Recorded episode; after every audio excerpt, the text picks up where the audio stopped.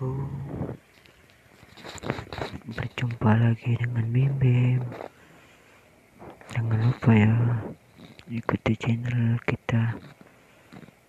Jadi malam hari ini kita akan bercerita tentang malam. Malam itu gelap.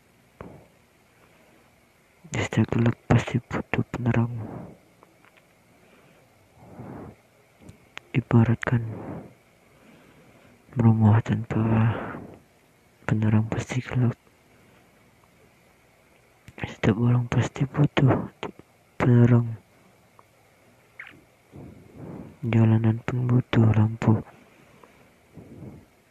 Apalagi hati kita pikiran kita yang kosong yang gelap. Cuma pikiran kita nggak ada gelap. Buat orang yang lagi negeri seseorang jangan menyerah.